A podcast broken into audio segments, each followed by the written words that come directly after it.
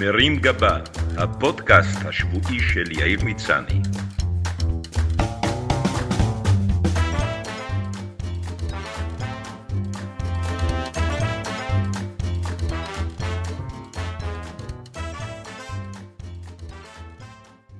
בחודש מרס השנה, בסוף שבוע גשום, ישבנו הגברת ראשונה ואני בסלון. אני קראתי עיתון והיא שוטטה באתרי קניות באינטרנט. למרות שהפרידו בינינו סנטימטרים בודדים והיא יכלה לפנות אליי בקולה, קיבלתי ממנה לפתע מייל בזה הלשון: צריכה עזרה בהזמנת נעליים. התברר שעיני האחדות צדו זוג נעלי התעמלות ורודות של חברת GCDS במחיר שנראה לה כהזדמנות עסקית נאותה. מפאת חיסיון יחסי בעל אישה לא אפרט מה היה סכום הקנייה, אבל גם אני, שלא בקיא במחירי נעליים, חשבתי שיש כאן מחיר מעניין שמצדיק קנייה. במשך השנים למדתי שנשים אוהבות לשתף את הבעל בתהליך הקנייה, כי ככה הן הופכות אותו לשותף להחלטה. אפילו אם היא נעשתה כשהוא באמצע צפייה במשחק כדורגל, והיה מוכן לאשר לה גם לקנות שמלת יהלומים. אני דווקא הייתי הפעם בריכוז מלא, ומאחר שכמו בני דורי אני עדיין נפעם מהיכולת לרכוש טובין דרך המחשב, הכנסתי מיד את פרטי הפייפל שלי, קיבלתי מהאתר אישור על הרכישה, העברתי אותו לאשתי במייל והמשכתי בשגרת השבת. רעייתי קרצה לי בשמחה ויש מצב שאפילו שלחה לי נשיקה באוויר. היה שווה את זה. חודש אפריל חלף עבר לו, חגגנו את ליל הסדר בחיק המשפחה ואחריו הגיע האביב. אבל הנעליים עדיין לא. מתחילת מאי, אחרי כמה הפצרות של הגברת, החלטתי לידע את הספק, ונציגת מכירות איטלקית בשם אליזבטה כתבה לי שהיא תבדוק את העניין. למחרת אליזבטה חזרה עם בשורות קשות, לצערה ההזמנה שלנו אבדה, והיא מיד תשלח לי את הנעליים שהזמנו. עדכנתי את רעייתי שקיבלה את החדשות בצהר מעול בתקווה, יצוין כאן שהגברת הראשונה היא חובבת נעליים מושבעת ויש לה כמה מדפים יפים מאוד של נעליים מסוגים שונים שלא היו מביישים גם את האוסף של אימלדה מרקוס. לפיכך זוג הנעליים המדובר אינו צורך קיומי דחוף ובשום מקרה לא היה חשש שהיא תיאלץ ללכת יחפה בקרוב. בשביעי במאי הודיעו מחברת השילוח שהחבילה בדרך ושאחרי תשלום סביר של 250 שקלים לשלטונות המכס הם ישמחו להעביר לי אותה. What? באיסוף עצמי או במשלוח עד הבית.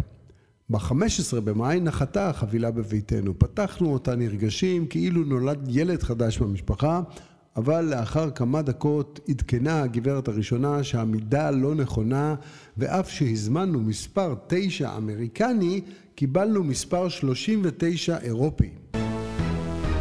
בתור אפס אסיאתי לא לגמרי הבנתי מה זה אומר, אבל שוב כתבתי לאליזבטה והסברתי שיש בעיה עם המידות. אליזבטה ענתה שהיא מצטערת ושעליי לשלוח את הנעליים בחזרה לאיטליה. אחרי שווידאתי שהן לא ננעלו ושהחבילה כוללת את הקופסה המקורית ואת הניירת הנלווית. לרעייתי היו כמה סידורים דחופים באותו בוקר, וכדי לא לבזבז זמן יקר, סרתי עם הנעליים לסניף הדואר בעצמי. הדבקתי בולים, מילאתי טפסים, וגם שילמתי כמה עשרות שקלים על משלוח מיוחד, כדי שהנעליים לא יצטרכו חלילה לנסוע באונייה או לעשות את הדרך רגלית. הרי הבטחתי לאליזבטה שהנעליים, כמעט כמו בשירה של עופרה חזה, לא ננעלו. בשלישי ביוני הגברת הראשונה שאלה אותי אם שמעתי במקרה משהו מהנעליים. כתבתי מיד לאליזבטה שענתה שנכון לעכשיו הנעליים לא הגיעו אליה, אבל הזוג החדש עם המידה הנכונה כבר נמצא בידיה וממתין לביצוע החילופים. ב-18 ביוני קיבלתי תזכורת נוספת מרעייתי ושוב כתבתי לידידה החדשה מאיטליה שענתה לי מיד שלצערה אין חדש, החבילה לא הגיעה, אבל היא תשמח לבדוק אם אכתוב לה מספר משלוח. פשפשתי בניירותיי ומצאתי את הקבלה מהדואר. צילמתי ושלחתי לאיטליה. למחרת כתבה לי אליזבטה שהמספר בסדר, אבל לא ברור מי החברה המשלחת. מכיוון שהמידע לא הופיע על הקבלה, נאלצתי לצאת לבילוי נוסף בדואר. היו שם רק 15 איש, אבל מאחר שהקדמתי תרופה למכה וזימנתי תור דרך האפליקציה, חיכיתי בסך הכל 12 דקות. לשאלתי מהי חברת השילוח, ענתה סיגי מהדואר שמדובר בחברת אקו-פוסט. איך בכלל יכולתי לחשוב אחרת? עם פחות מאקו-פוסט אני לא משלח. חילקתי מיד את המידע עם חברת הנפש שלי מאיטליה. היא עדכנה שחברת השילוח מסרה שהחבילה במכס האיטלקי ויש להמתין לשחרורה. לא הבנתי למי בדיוק מחכים שישחרר אותה. סיירת מטכ"ל, מחלץ הנעדרים חיליק מגנוס, חליסי מנתץ את השלשלאות. ב-28 ביוני קראה לי רעייתי מתוך ארון הבגדים לשאול אם יש חדש בנושא הנעליים. רצתי למחשב וכתבתי על אליזבתה שאם חיי הנישואים שלי חשובים לה שתבדוק מה קורה עם הנעליים. נעניתי שלצערה אין חדש.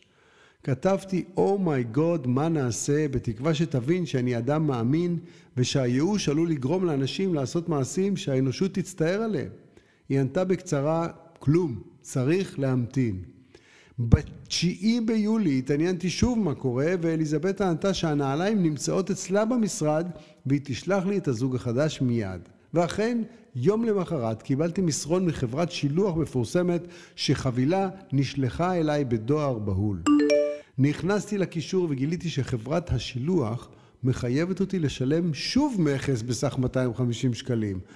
זו כמובן טעות, אמרתי לעצמי, הרי אין מצב שאשלם פעמיים מכס על אותו זוג נעליים. עניין שביחד עם דמי המשלוח חזרה לאיטליה יהפוך את הקנייה לעסק מאוד לא משתלם. What the? צלצלתי לחברת השילוח ותהיתי אם הגיוני שזוג נעליים שנסע, מוכס, חזר, הכעיס, הוחזר, ביאס ובואס, שוב ימוכס. כן ענתה הפקידה המנומסת, אין דרך לדעת שהחבילה כבר הייתה פה ולכן יש לשלם את המכס שוב. לא התווכחתי, שילמתי שוב והמתנתי לנעליים בהתרגשות ששמורה לקרוב משפחה אבוד ששב הביתה תוך שאני פורס עבורן שטיחון אדום בכניסה. הציפייה הייתה עצומה, הנעליים הרי הכפילו את ערכם במהלך חמשת החודשים וכולנו פיללנו לכך שבפרק הזמן הזה רגליה של הגברת הראשונה לא קטנו או גדלו באופן דרמטי. השבוע כשהשליח עמד בדלת חיבקתי אותו בדמעות. פתחתי בקבוק של יין נתזים וכיבדתי אותו בפרוסת עוגה.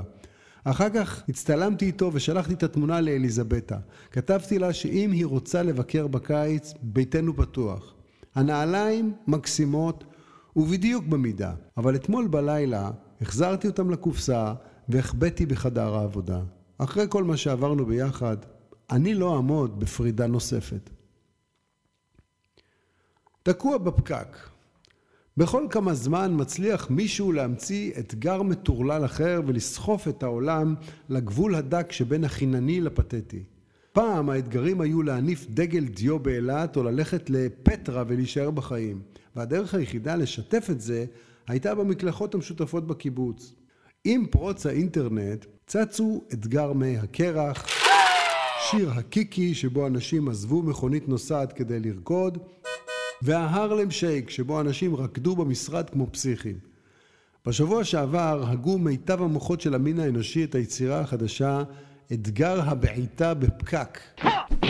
מכיוון שהיה כאן אתגר פיזי מעניין, החלטתי לנסות והצלחתי בעזרת חברי ניצן משורר ואחרי 30 טייקים לשגר בעיטת הצ'ו קוריאנית לעבר פיית בקבוק קולה ולהעיף את הפקק. אירוע שתועד על ידי הבת הקטנה שלי, כי כידוע, מה שלא צולם לא קרה. אחר כך ראיתי סרטונים של אהוד ברק, יאיר לפיד ובני גנץ מעיפים פקקים עם הידיים מטעמי בחירות וגם בחור בשם מייקל לואיס שפתח את הפקק באמצעות איבר מרכזי שממש לא קשור למפלגת מרכז. עכשיו כשהפקק מאחורינו ויש להישיר מבט אל עבר האתגרים של העתיד, אני מציע עוד אתגרים שאפשר לבצע באופן לא שגרתי, מי בשיטת מייקל לואיס ומי בתנוחות מסורתיות יותר.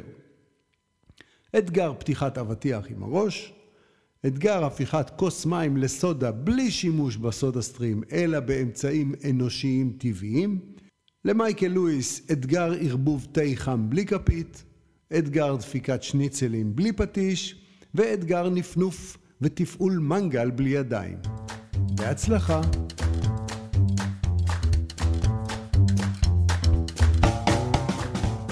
מרים גבה, הפודקאסט השבועי של יאיר מצני.